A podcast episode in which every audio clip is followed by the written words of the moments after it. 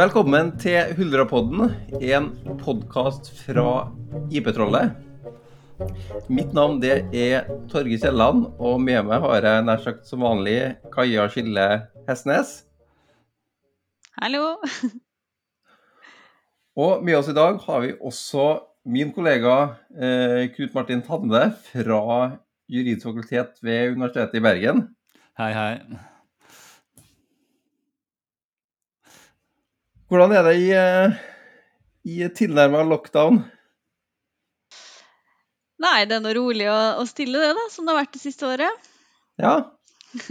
Du har begynt som dommerfullmektig, Kaja. Hvordan er det i koronatida? Jo, det er jo interessant. Det har vært veldig bratt læringskurve, det må jeg si. Men eh, det funker veldig fint sjøl om det er litt eh, andre tilstander i domstolen også. Det har jo vært eh, litt digitale hovedforhandlinger. Det snakka vi om litt tidligere i en episode her, hvor jeg var lei meg for at jeg ikke hadde fått prøvd det som advokat. Så nå har jeg i hvert fall fått prøvd det. Og så er det en del fysisk oppmøte også. Det er det. Så um, alt i alt so far so good. Men du har vel kombinasjon nå, at du har vitner som møter på som Ja. møter på video, eller? Ja, det er klart. Man prøver å tilrettelegge sånn at man kan ha fjernavhør da, når det er nødvendig og ikke betenkelig, er det vel sår at det skal være. Så det, det legges opp til det. Har du hatt noen vitner i bar overkropp som lederen for Advokatforeninga? Nei, det, jeg vet ikke hva dere er vant med borti Bergen, men det har vært eh, lite, lite av det, altså. Det må jeg si. Torgeir posisjonerte seg sakte, men sikkert mot eh, den uh, pasningen.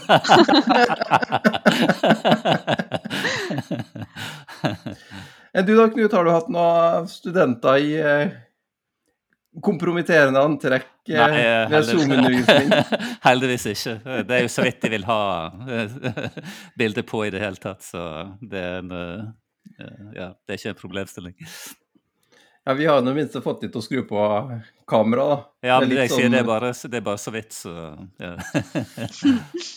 Mild, mild tvang, kan man vel si. ja. Men jeg tror det er mye internjustis der, så det ville nok vært stor oppsikt hvis noen eh, gikk all in der. Ja. Og du da, Torgeir, hva har du gjort siden sist?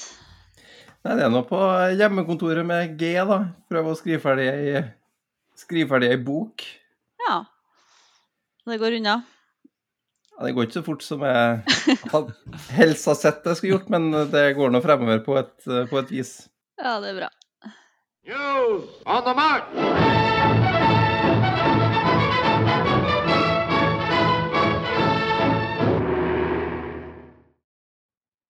Fra EU-domstolen så har det ikke vært så mye nytt siden sist. Vi har en avgjørelse VG Bildkunst som vi skal snakke om senere, som omhandler lenking. Ehm, Fra eh, norske domstoler så har vi en eh, rykende fersk avgjørelse. Det er fra Borgarting lagmannsrett. Den kom i dag, 24.3. Stortorvets gjestgiveri.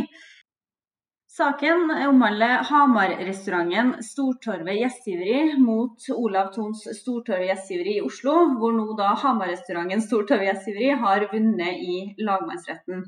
Eh, restauranten gjestgiveri, eh, Stortorvets gjestgiveri i Oslo er fra tidlig 1700-tallet, og de har benytta navnet siden 1800-tallet. Eh, Olav Thon anførte at eh, Hamar-restauranten både gjorde inngrep i varemerkeretten deres, og at det var et brudd på markedsføringsloven. Og i tingretten så fikk eh, Oslo-restauranten og Olav Thon de fikk medhold. Men i lagmannsretten så kom de imidlertid riktignok under dissens til at uh, Olav Thon og Stortorvets gjestgiveri ikke kunne hevde enerett til nettopp Stortorvets gjestgiveri, som navn, fordi det da var for generisk. Uh, og flertallet de kom også til at bruken ikke medførte brudd på markedsføringsloven. I tillegg så eh, er det en ny høring ute. Det er høring om ny forskrift til åndsverkloven. Det har jo både vært åndsverklov og forskrift om åndsverk som har vært iverksatt i lang tid, men da den nye åndsverkloven trådte i kraft i 2018, så var det uten ny forskrift. Eh, og det her har ikke vært helt uproblematisk, fordi det har jo da vært en del henvisninger da, i den forskriften som, som ikke har stemt. Så Kulturdepartementet har nå sendt ny forskrift til åndsverkloven på høring. Ehm, det utkastet inneholder eh, riktignok en del eh, opprettinger av de henvisningene som tidligere eh, da har vært feil, og så er det også en del forslag til bestemmelser som gjennomfører Marrakech-traktaten og Marrakech-direktivet. Og For dem av oss som jobber en del med personvern, så er det også greit å merke seg at utkastet inneholder forslag til bestemmelser som skal gi enkelte enheter som produserer og tilgjengeliggjør åndsverk de skal da få en eksplisitt hjemmel til å behandle særlige kategorier av personopplysninger. Det er da typisk helseopplysninger, og dette vil jo være en praktisk hjemmel for enheter som tilbyr verk i format som lydbokformat, punktskrift eller tilrettelagte e-bøker til personer som har ulike funksjonsnedsettelser, eller at man f.eks. ikke har muligheten til å, til å lese trygt tekst. Og Bakgrunnen for eh, forslaget om endring her, det er jo da kravet til supplerende grunnlag for behandling av personopplysninger i GDPR. Og her er høringsfristen satt til 25. mai. Ja, og så har det skjedd ting i München også, Torger, har det ikke det? Det har det. EPOs eh, e utvida appellkammer har nylig avsagt en avgjørelse knytta til patenterbarheten til datasimulering.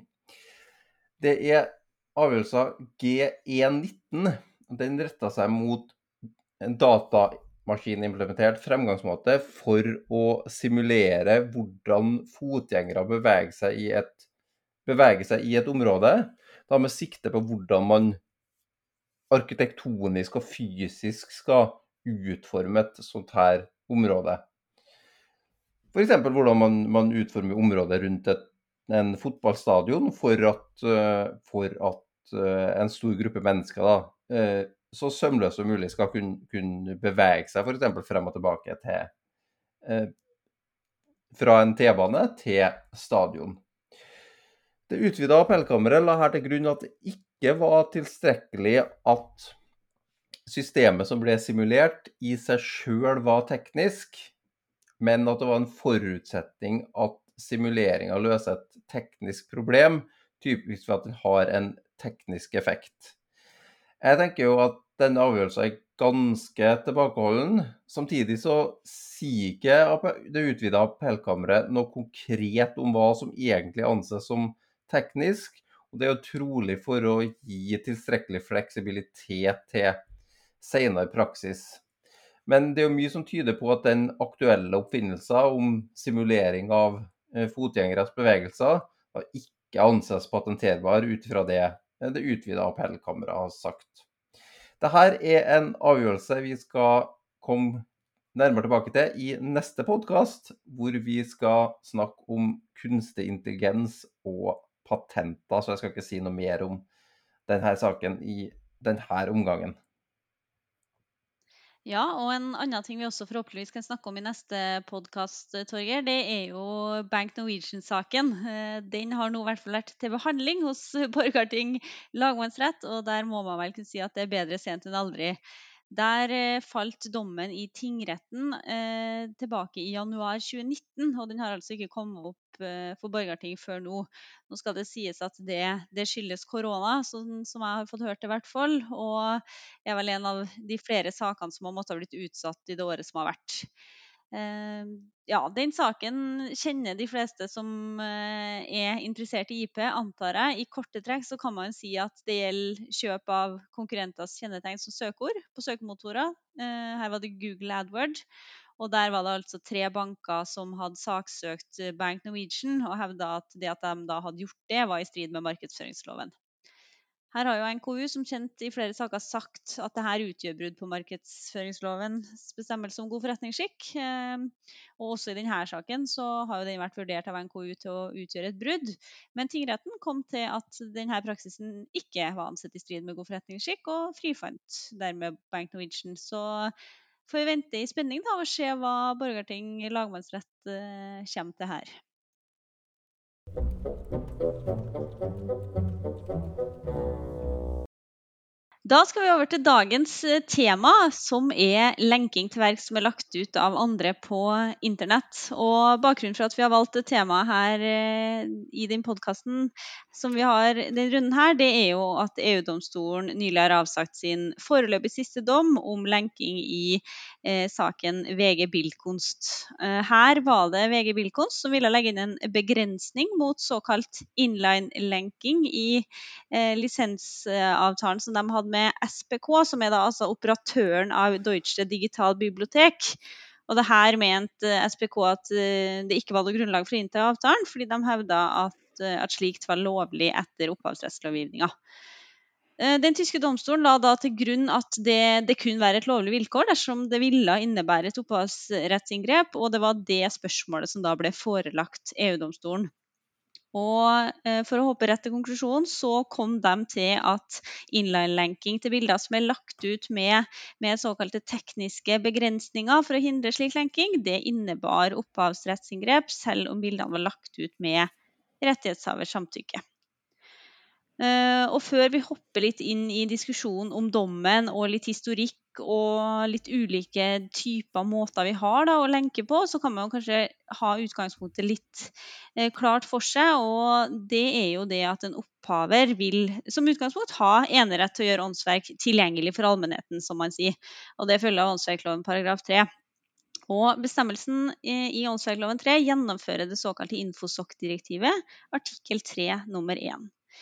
Og det å legge opphavsrettsbeskytta materiale ut på internett for nedlasting, fremvisning eller avspilling, det, det anses da som en slik tilgjengeliggjøring for allmennheten og vil omfattes av vilkåret, og da altså omfattes av opphavers enerett. Og da er jo spørsmålet om lenking til materiale som andre har lagt ut på internett, også innebærer selvstendig, et selvstendig opphavsrettsinngrep. Mm. Ja. Siden vi snart skal inn på historikken, så må jeg meg minne om at når jeg var på doktorandseminar og hadde dette temaet, så fikk jeg jo streng beskjed om at dette var helt uh, uinteressant. Og at det var ikke en praktisk problemstilling i det hele tatt. Så, nei, dette var jo på begynnelsen av 2000-tallet, men uh, der har jo historien i hvert fall uh, gitt meg rett. ja, det kan man jo si. Det... For det her er jo et spørsmål som har stilt som har vært stilt nærmest siden internetts eh, barndom. I hvert fall, i hvert fall siden slutten av, uh, av 90-tallet. Ja, absolutt. Og, og Knut, du, du, kjenner jo til de tidlige avgjørelsene som kom her godt, så du kan jo dra oss litt gjennom historikken, kanskje? Ja, det tror jeg vi kanskje skal spare leserne for. jeg, tror skal, tror vi skal begynne på uh, den nyere historikken. Vi har jo disse eldre dommene, det er riktig, fra, altså både fra, ja, særlig fra Sverige, og denne MP3-dommen. Uh, men der kom jo faktisk Høyesterett til at det var et opphavsrettsbrudd. Altså i utgangspunktet, det var, en, det var ikke at det var et opphavsrettsbrudd, men det var en tilgjengeliggjøring. Men at uh, pga. en technicality i lovbestemmelsen så ble det ikke ja, så ble det ikke omfattet av bestemmelsen likevel. Eh, og så har en jo den uh, tyske eh, høyesterettsdommen. Eh, nå husker jeg ikke årstallet i farten. Jeg var egentlig ikke forberedt på at vi skulle gå så langt tilbake i memory lane. Men, ja, du la litt opp til det sjøl, så. men det er jo denne Paperboy-dommen. og der kom jo en til at det bare var en referanse. Men altså, svensk høyesterett kom jo faktisk til at uh, dette var i utgangspunktet tilgjengeliggjøring i sin tid. Men uh, så fikk jo vi altså, ja, Den egentlige historikken sånn i norsk sammenheng begynner vel egentlig med Napster-dommen. Og Det handler jo om en uh, student på Lillehammer som da oppretta ei nettside, napster.no. Det hadde, hadde lite med, med programmet som man kunne laste ned på den tida som, som tillot, uh, tillot uh, nedlasting av uh, musikk på, på annet vis, men han tenkte vel at det var god markedsføring å kalle denne nettsida si for napster.no. Og på denne sida da, så lenka han til musikk som andre hadde lagt ut på, på nettet. Ja, og der kom jo Høyesterett til at, at dette ikke var en selvstendig tilgjengeliggjøring, men i hvert fall medvirkning til andres uh, ulovlige publisering av den musikken. De tar vel egentlig ikke stilling til om det var en direkte eh, tilgjengeliggjøring, men det er vel naturlig å, å, å slutte at de legger til grunn at, at lenking ikke er en selvstendig tilgjengeliggjøring, når de, når de velger å avgjøre det på På medvirkningen. Ja. Men de gir, de gir vel uttrykk for at det vil være veldig betenkelig å komme til at det er en selvstendig tilgjengeliggjøring, for det vil være uklart hva konsekvensene blir. Så ja, Ja. de flagger det vel ganske klart. ja. Og jo mindre vi sier om den medvirkningsdrøftelsen til Høyesterett her, det er jo bedre, tenker jeg. Ja, Det eneste som er interessant, det er jo at sånn metodisk så ser en jo at uh, Høyesterett og nå skal, kan vi diskutere senere om det gjelder EU-domstolen, altså de tar jo ofte saken på noe som de er mer kjent med eller komfortabel med. Eh, så eh, ja, I Napster.no-dommen brukte jo til og med det strafferettslige medvirkningsbegrepet. For det hadde de sikkert brukt oftere i, i domskrønene tidligere enn uh, åndsverkloven. Du foregriper begivenhetene her, eh, Knut, når du sier, eh, sier EU-domstolen. For det var vel, det var vel eh, ganske uunngåelig at dette var et spørsmål som, som eh, kom til å komme kom til behandling for, eh, for EU-domstolen. Og det gjorde jo først i denne Svensson-saken. Og den omhandla jo en nettjeneste som heter for Retriever. I Norge kjenner man den vel egentlig best som A-tekst. Som da på grunnlag av ord som bruker søkte på, presenterte en oversikt med lenker til nyhetssaker som lå fritt tilgjengelig på svenske nettsider, og som da tillot brukerne å klikke seg videre til, til eh, disse sakene da, som lå på de ulike nyhetstilbydernes eh, nettsider gjennom såkalte referanselenker. Det er for så vidt et interessant poeng at man snakker jo egentlig om forskjellige typer lenker her. Ja, altså referanselenker er jo i utgangspunktet, selv om det jo teknisk gir tilgang til uh, andres nettsider, så blir den jo forflyttet til andres nettsider, altså den uh, rettighetshaverens uh, egen nettside. Og det gjør det jo selv om lenker da har en dobbelt natur, altså at de både fremstår som referanse og samtidig kan ha elementer av selvstendig tilgjengeliggjøring, så vil jo en referanselenke ha et ganske klart preg av uh, referanse. Det ligger jo i navnet. Uh, at det blir forflyttet rett og slett til uh, det opprinnelige nettstedet der materialet befinner seg. Og ja, derfor så kom jo også EU-domstolen til at dette ikke var en selvstendig tilgjengeliggjøring. Ja, De sier vel at det er jo en, altså det er jo en overføring. Ja, altså En det- lenke er, jo en, det er jo en overføring Act of til- communication, ja. ja, til, til allmennheten. Mm. Men for at det skal skje en overføring til en allmennhet, så var det ifølge EU-domstolen en forutsetning at denne overføringa skjedde til det de kaller for en ny allmennhet, et nytt publikum, en new public. Og det var da ifølge EU-domstolen et publikum som rettighetshaver ikke hadde tatt i betraktning da han la ut materialet på nett.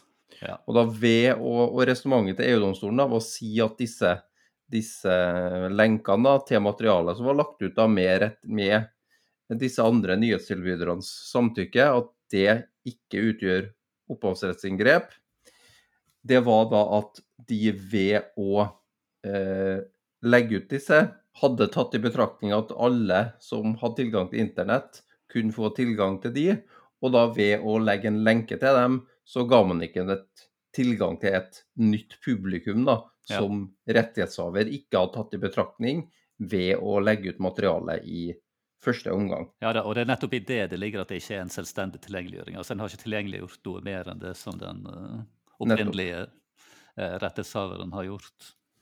Så den dommen er jo strengt tatt ikke oppsiktsvekkende på den måten. Men det er jo interessant, særlig med tanke på den uh, hovedsaken vi skal inn på i dag, at en uttaler jo at hvis dette materialet ligger bak en betalingsmur, så blir det jo annerledes. Da blir det jo uh, et new public hvis noen uh, uh, lenker til, til det materialet, sånn at folk som ikke har betalt, kan få tilgang. Ja, og da er jo resonnementet at når man da som rettighetshaver som legger ut materialet, velger å begrense tilgangen, så vil det da være tilgjengeliggjøring for et nytt publikum ved at da man lenker til dette materialet bak betalingsmuren, og gir da andre som da ikke hadde, altså typisk da ikke har et abonnement, tilgang til eh, materialet bak, bak betalingsmuren. Ja, men dette er jo ikke spesielt oppsiktsvekkende. Dette kunne jo en uh, leve med. Men uh, så kom det jo en litt uh, mer problematisk dom i, denne, i form av denne Bestwater-saken. Ja, og det den gjør, er jo å si at dette som, dette som Sven, altså det som, det som man sier i Svensson om referanselenker, også gjelder for det man i hvert fall det du på norsk Knut har kalt for, for hentelenker. Hva er det for noe? Ja, altså mens referanselenker forflytter brukeren av lenken til nettstedet eh, som lenken viser til, så uh, henter jo en hentelenke materialet til den nettsiden der lenken befinner seg. Sånn at det blir rett og slett ikke forflyttet uh, som bruker. Og um, en kan ofte ikke se at dette materialet er hentet fra andre i det hele tatt. Og uh, da skjer det ikke forflytning, og det er ikke synlig om dette kommer fra eget nettsted eller et annet uh, nettsted.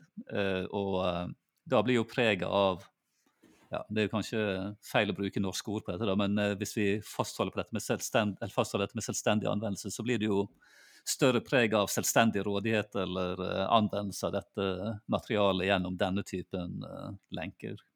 For dette er lenking som om hvis jeg da tar, eh, tar, et bilde som andre har lagt ut, og så lenker jeg til det på en måte som gjør at dette vises direkte på, mi, på min nettside. Eller jeg lenker til en video på YouTube, sånn at den blir vist ja. eh, direkte på min nettside, som om det var jeg som hadde lasta den opp og ja. og lagt den ut. Altså Det er egentlig litt sånn oppsiktsvekkende, en oppsiktsvekkende egenskap for World Wide Web at du rett og slett kan gjøre det. altså, I hvert fall det som ligger åpent. det kan rett og slett bare, En kan jo se i nettkoden eh, hvordan dette er laget eh, på det opprinnelige nettstedet, og så kan en bare kopiere det inn på sitt eget nettsted og sørge for at det bare dukker opp på nettsiden som om det var noe du hentet fra din egen server. Altså, for, for, teknisk sett er jo dette så enkelt som at du egentlig bare kopierer nettadresse. Si at det, er et bilde som andre har lagt ut, så ligger den på en, en HTTP-adresse. Og så kopierer jeg den, og så klipper jeg den inn i min egen i koden på min egen nettside. Og så kommer bildet opp på min nettside som om det var jeg som har, har lasta det opp. Og Det er jo en henvisning, dette også selvfølgelig sånn rent teknisk. For den viser jo til materialet som ligger på en annen uh, Eh, en annen side, eh, men, men, en annen server. Men eh, poenget er at det, det, fremstår som en helt selvstendig anvendelse for brukeren. Virkningen er at dette er på linje med rettighetshaverens egen bruk. Og Det EU-domstolen sier i Bestwater, er jo at det de sier om referanselenker i Svensson, også gjelder for hentelenka. Altså er bildet, er videoen lagt ut med rettighetshavers samtykke, så kan du hentelenke den inn på de egen side. Selv om det gjør at den for så vidt fremstår som om det er du som har, har lagt den ut. Ja, og det, det, det, uheldige her er jo at eh, pga. at de ser det sånn at dette er tatt stilling til i Svensson-saken, så blir det en sånn forenklet behandling der her i Bestwater-saken som gjør at en ikke foretar noen nærmere vurdering eller differensiering mellom eh, referanselenker og hentelenker eh, i det hele tatt. Eh, en, en sier vel at Svensson og jeg mener at jeg har ikke helt uh, tatt stilling selv til om det er riktig, men de sier vel at Svensson uh, i hvert fall, uh, eller sjøl nokså direkte tar stilling til hentelenker. Ja, Det er vel riktig at det er en uttalelse Svensson som kan tolkes i den Svensson sier det i et obiter diktum, men det er jo litt spesielt å anse at det det avgjør spørsmålet, fordi altså Svensson tar jo overhodet ikke stilling til forskjellen på Nei. referanselenka og eh, hentelenka. Og det gjør jo da heller ikke Bestwater, fordi at den bare, egentlig bare henviser til det som er sagt i, ja. i Svensson. Og denne hva skulle man si da, litt, litt lemfeldige behandlinga av spørsmålet om, om hentelenka er vel også litt av bakgrunnen for at VG Bildkunst kom for domstolen. Ja, Altså, Jeg husker jo at uh, når EU-retten kom inn eh, for uh, sånn ja, for fullt i, ja, i utdannelsen og i norsk rett generelt, så var det jo en veldig bekymring for at vår pragmatisme i Norge skulle være under press, og at vi skulle måtte bli mye mer formalistiske. og det er jo på en måte formalisme kanskje her, men det er jo samtidig en, ja, en nokså fatal hendelse i i lenking, lenkingens rettslige historie, sagt, når det gjelder å få grundige vurderinger av uh, lenkingens uh, natur i et opphavsrettslig perspektiv. Så ja, dette må en uh, se som et ja, bortimot et arbeidsuhell, bedring. Men det er jo det, det er jo som i som ellers, at når øverste domstol har uttalt seg om noe, så blir det jo ofte hengende ved. De avgjørelsene vi har snakka hittil, bygger jo egentlig på, på det samme resonnementet om at man går ut fra at de rettighetshavere som legger ut verket på internett fritt og frivillig, for å si det enkelt, de har tenkt at de skal nå alle internettbrukere som sitt publikum. Ehm, men hva med det tilfellet hvor det blir lagt ut et bilde, og så er ikke rettighetshaver enig i det, altså det er uten rettighetshavers samtykke. Vi har vel avgjørelser også på det, Torger? Ja, da er det kom jo for eh, EU-domstolen den såkalte GS Media-saken, hvor EU-domstolen la til grunn at det de hadde sagt i, i, i Svensson om at, om at uh, lenking til materiale som var lagt ut fritt, altså lagt fritt ut på internett av rettighetshaver, ikke var tilgjengelig for et, tilgjengeliggjøring for et nytt publikum, ikke gjaldt dersom materialet det var lenka til, var lagt ut uten rettighetshavers samtykke. I og med at rettighetshaver ikke hadde gitt samtykke til, eh, til overføringa, så hadde jo ikke rettighetshaver tatt i betraktning noe, noe, publikum, og da ville lenking til dette materialet eh, per definisjon, eh, ifølge eiendomsstolen, anses som overføring til et nytt publikum. Eh, samtidig så, så jo EU-domstolen at dette kunne få ganske alvorlige konsekvenser for, eh, for uforvarende internettbrukere til, som lenker til, til, ting i den tro at det er helt greit. Og man la derfor opp til en aktsomhetsvurdering i relasjon til lenkers kunnskap om det han lenker til, er lagt ut med eller uten samtykke. Og ganske enkelt forklart her, så la man til grunn nærmest eh, to presumpsjonsregler om at dersom lenkinga ikke hadde noe kommersielt formål, så var det en presumpsjon mot at den som lenka, hadde kunnskap om rettighetsforholdene. Men dersom lenkinga hadde et kommersielt forhold, så var det derimot en presumpsjon for at eh, den som lenka, hadde sånn kunnskap.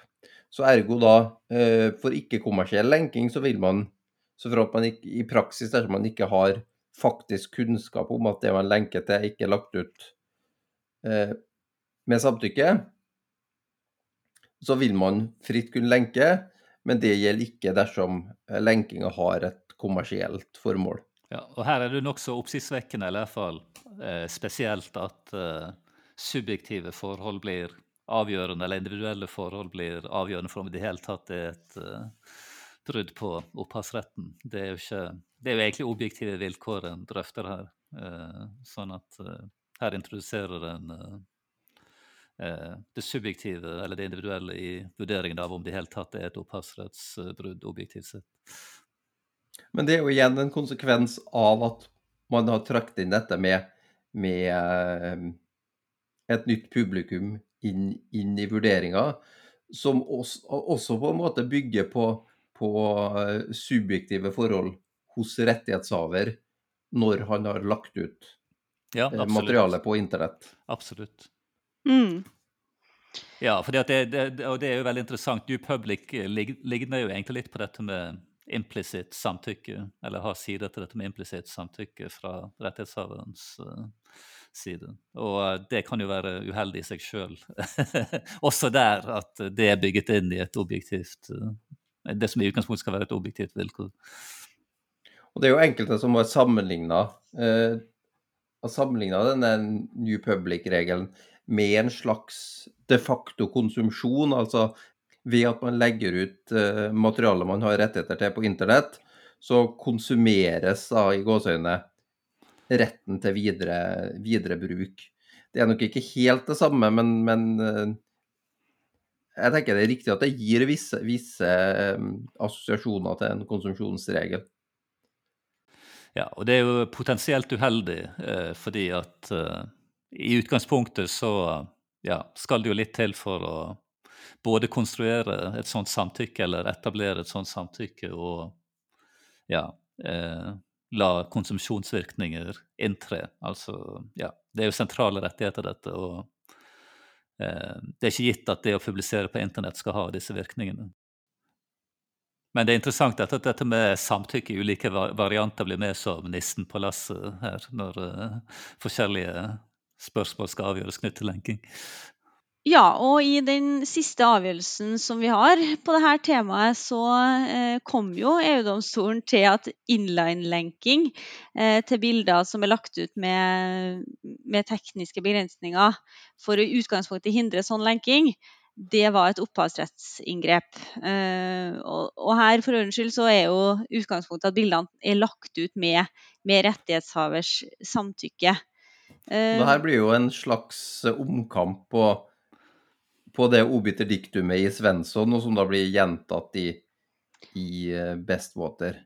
Ja, det blir det jo. Og forskjellen fra Svensson er jo en annen type lenking, som vi har snakka litt om tidligere. Eh, men, men Torgeir, hva var det eh, EU-domstolen la til grunn for, for sin argumentasjon her? EU-domstolen legger til grunn at hvis man har lagt inn en teknisk sperre mot inline-lenker som gjør da at eh, det er tekniske begrensninger for å eh, lenke på den sånn måte sånn at, at uh, typisk et bilde fremstår som den eh, er lagt ut på sida til den som lenker, så vil det utgjøre et selvstendig opphavsrettsinngrep og da omgå denne tekniske sperra og lenke til materialet som er lagt ut. Ja, og sånn sett så kan man vel si at man viderefører eh, resonnementet som var i Svensson og det eksempelet du trakk frem i stad, Torgeir, med å omgå en beskyttelsesmur. Ja, fordi at i Svensson så legger jo EU-domstolen til grunn at lenking til materiale som er lagt ut med en adgangsbegrensning, utgjør overføring til et nytt publikum. Forskjellen eh, mellom Svensson og eh, VG Bildkunst er jo at Svensson omhandler begrensninger i tilgangen. Et eksempel her er en eh, annen avgjørelse, den såkalte Seymour-avgjørelsen, hvor det ble stilt spørsmål om lenking til eh, ishockeykamper, hvor tilgang eh, krevde abonnement, innebar et selvstendig opphavsrettsinngrep. Nå ble spørsmåla knyttet til dette riktignok trukket tilbake etter Svensson, men det er nok ganske klart at det er en type, er en type adgangsbegrensning som vil gjøre da, at lenking til materialet som typisk ligger bak en betalingsmur, vil innebære et uh, opphavsrettsinngrep, selv om det er lagt ut med rettighetshavers samtykke.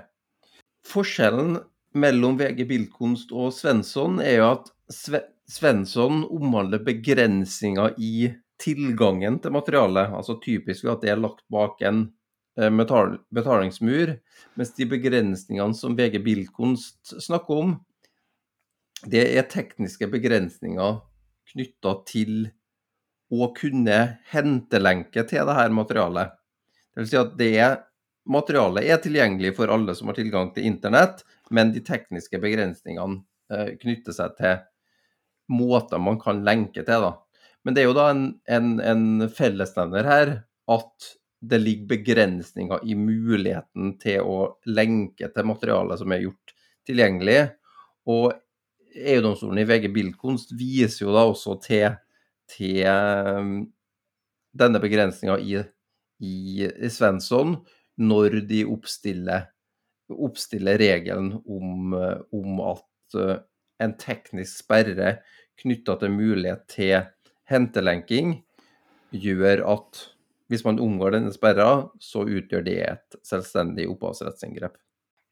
Et vilkår for at eh, en såkalt teknisk sperre mot hentelenking skal tillegges betydning, er jo at den er effektiv. Og hva er egentlig en effektiv teknisk sperre? Det vises jo til Infosoc-direktivet artikkel 6 som omhandler det her.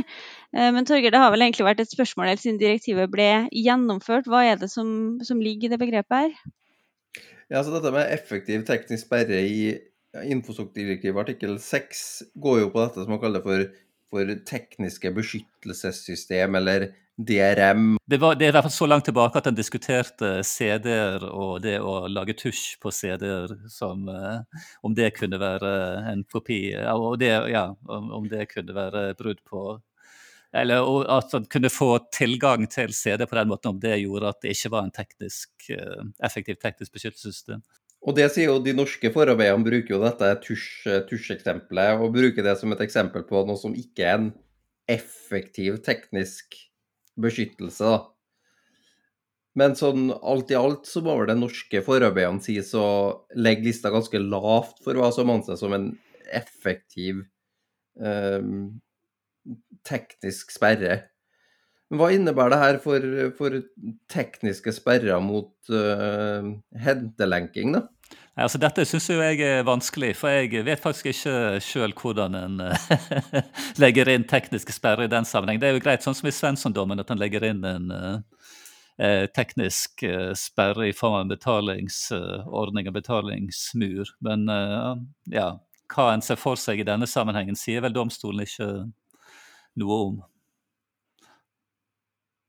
Men uh, det må være bedre enn uh, tusj, kanskje.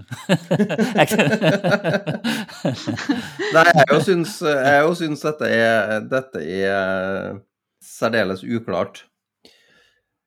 Og det har jo litt med henvisninger til, uh, til dette med effektive tekniske sperrer i artikkel 6, som ikke har vært avklart de 20 årene hvor Infosoc-direktivet har, har eksistert. Samtidig kan man jo spørre om det er den samme, samme standarden eh, som skal gjelde for, for, for tekniske sperrer for, mot, uh, mot hentelenker, som det er etter uh, artikkel 6. fordi at Hvis man ser på dommens avsnitt 46, så kan jo den tyde på at det er tilstrekkelig at, uh, at, at mottaker, da, som kan tenkes å lenke, blir gjort eh, oppmerksom på at Eller er tilstrekkelig oppmerksom på at dette er noe som rettighetshaver ikke ønsker at man skal lenke til. På den annen side så viser jo dommen eh, i avsnitt 46 direkte til til artikkel 6, og da er man jo tilbake til spørsmålet om hva som er en effektiv sperre. Jeg tror ikke en sånn medelse kan, eh, altså som du nevnte, kan ses som en teknisk beskyttelse, så det må nok Nei. være noe mer enn en det. Men du kan jo tenke deg en, en, teknisk beskyttelse som ikke er veldig, veldig effektiv, da. Som er å som er lett å omgå, men som likevel for så vidt gir et tydelig signal om at, ja, det er jeg enig. Ja, ja, det er jeg enig. Mm man ikke ønsker at den skal, skal hentelenkes. Mm. Og da er man jo tilbake til spørsmålet om hva er, hva er en effektiv sperre i denne konteksten.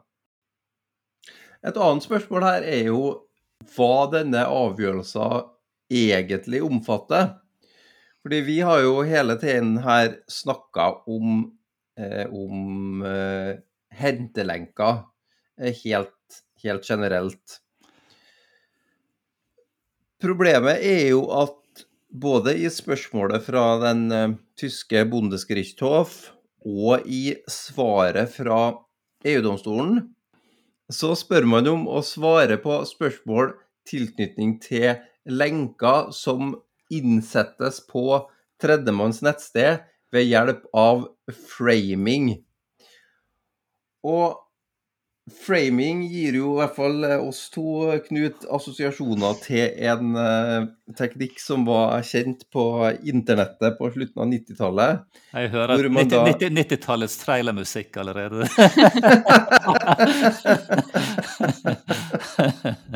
ja, altså Framing er jo utgangspunktet at en uh, altså Hentelenker har jo beskrevet, og der får en jo på en måte materiale, altså ofte enkeltbilder, da, inn på en nettside gjennom å bruke en sånn uh, hentelenkekode. Men uh, framing, da blir den også værende på det nettstedet som inneholder denne framing-lenken, men da henter den inn større eller mindre deler av uh, selve altså det nettstedet som den viser til. Så ofte, i hvert fall sånn som jeg husker 90-tallet, så beholdt du menyene fra det opprinnelige nettstedet, men så kom da det nettstedet som ble vist til som, ja, som en nettside ved siden av. Ja, for det du gjør, er jo å dele opp, det er jo å dele opp din nettside i flere forskjellige rammer, eller mm. frames på, på, godt norsk. Ja. Og så laster du da ulike sider inn i de ulike rammene. Da. Så du kan da laste ei nettside som noen andre har laga, inn i en av disse rammene. Ja, ofte, ofte, var ikke, ofte, var det ikke en, ramme engang, men altså det var rett og slett hele nettsiden. altså En beholdt liksom eh, kantene på den opprinnelige nettsiden, mens resten var ja, den nettsiden den viste, viste, til. Men det spesielle her er jo at den, vis, altså at den viste dette i det hele tatt, fordi at så vidt vi vet, så har ikke dette vært framme i noen av Altså dette har ikke vært uh, den teknikken som ble brukt i noen av de sakene som har vært oppe uh, til, uh, til, vurdering hos EU-domstolen.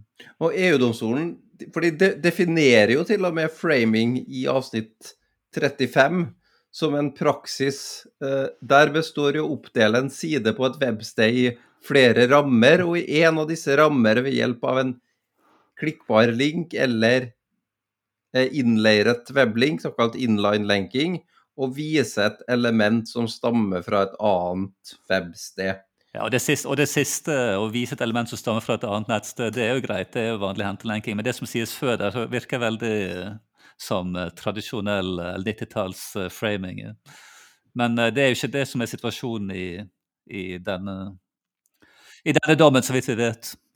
Nei, for ut fra beskrivelser som gis av, av disse nettstedene til, til, SPK, så fremstår jo ikke dette som framing. Nei.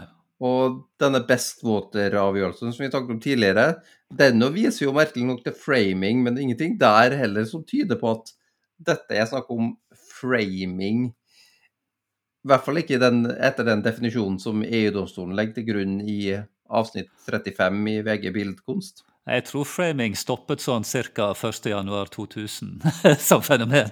Så, uh, yeah. Så altså ved Du hadde framing, og så kom Infosok-direktivet? ja. Da sluttet framing.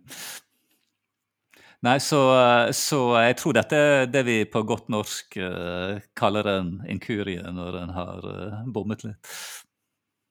Ja, altså, for det framing kommer jo også i altså Henger jo med fra, fra uh, spørsmålet fra, fra, den tyske Bundesgerichtshof. Jeg tenker det er en viss grad av begrepsforvirring her. Altså at det sentrale i avsnitt 35 er jo det som du var inne på Eh, innpå tidligere, Knut, at det det lenkes til, vises på en måte sånn at det ser ut som det er lagt ut direkte på den nettsida som, som lenker. Mm. Og det vil jo være helt vilkårlig, tenker jeg, om man skulle ta det EU-domstolen sier si i avsnitt 35 på ordet, og begrense denne, denne VG Bildkunst-avgjørelsen til framing. Så jeg tenker eh, de konklusjonene EU-domstolen kommer til i VG Bildkunst, må gjelde for all, for all inline-lenking eller embedding, for å bruke et annet ord, ja. som gjør at eh, materialet som er lagt ut eh, av andre på nett, og som man lenker til, dukker opp på ens egen side, sånn at det fremstår at den det er du som har lagt ut. Ja, Det ville jo være ekstra paradoksalt som sagt, hvis det ikke var tilfellet siden dommen tilsynelatende gjelder vanlige hentelenker. Så det ville jo være tidenes uh, vri fra EU-domstolen hvis uh, det motsatte var tilfellet. det hele dommen er et obit diktum.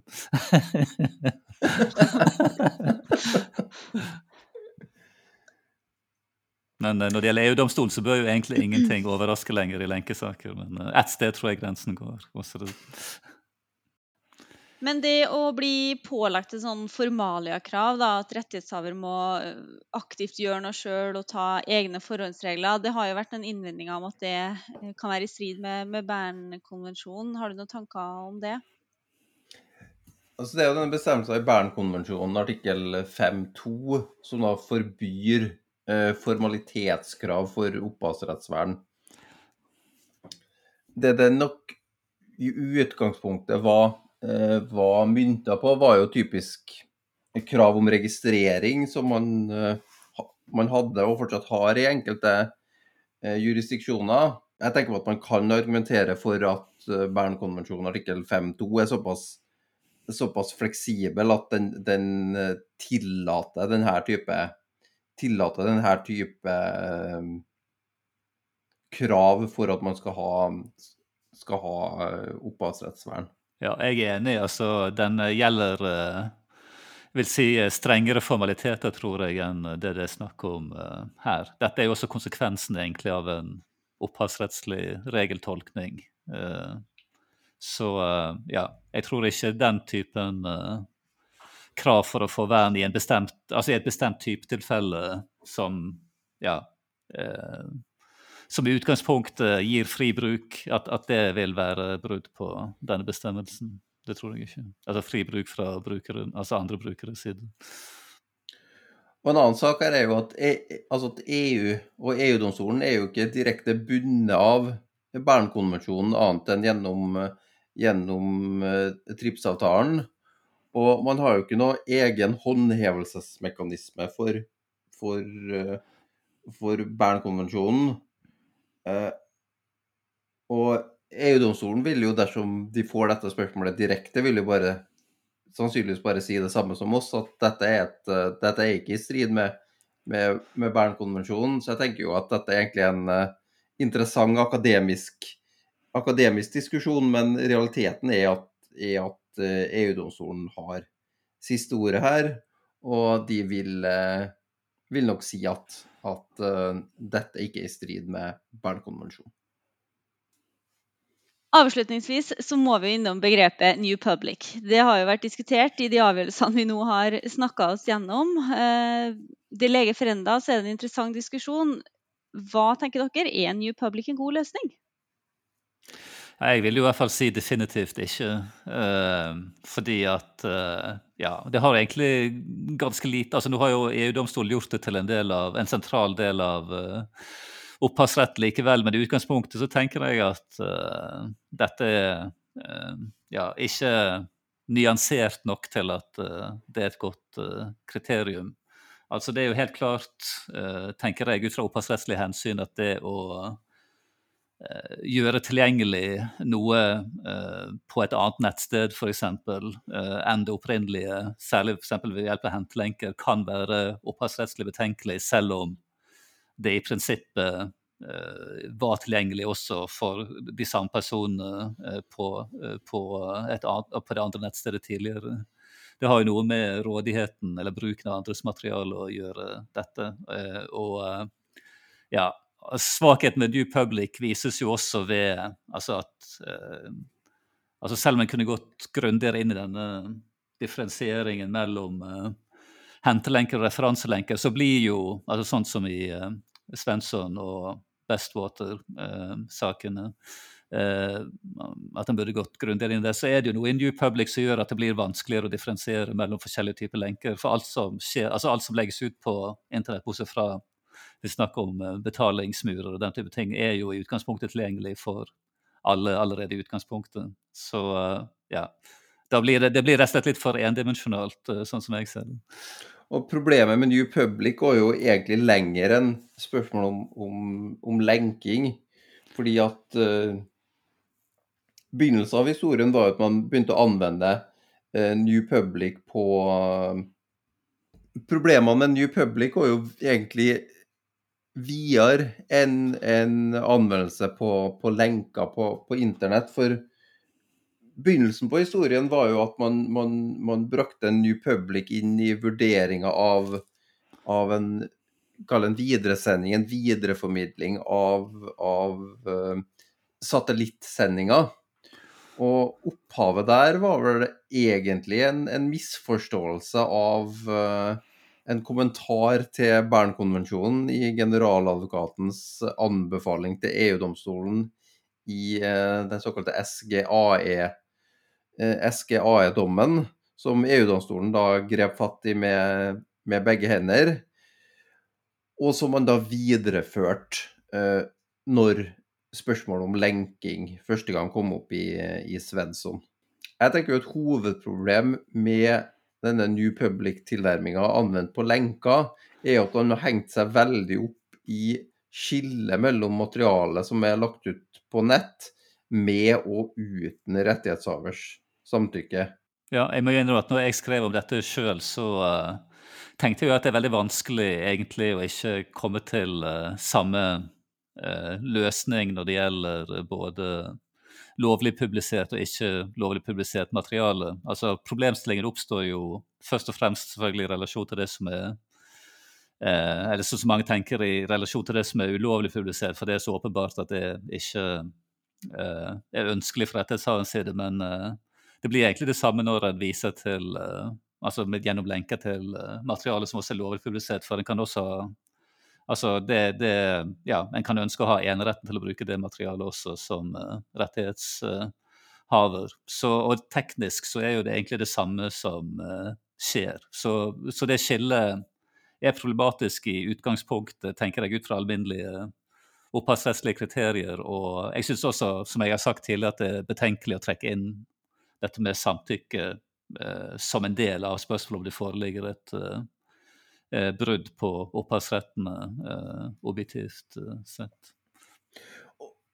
Og det er jo litt av problemet med New Public i denne konteksten, er jo at den fungerer ikke som en absolutt regel, og du er nødt til å ha begrensninger. Altså ta eh, GS Media knytta til lenker til materiale som er lagt ut uten rettighetshavers samtykke, så anser man at det vil, vil gå for langt å anse all sånn lenking til materiale som er lagt ut uten samtykke, som opphavsrettsinngrep. Og derfor så legger man inn subjektive begrensninger.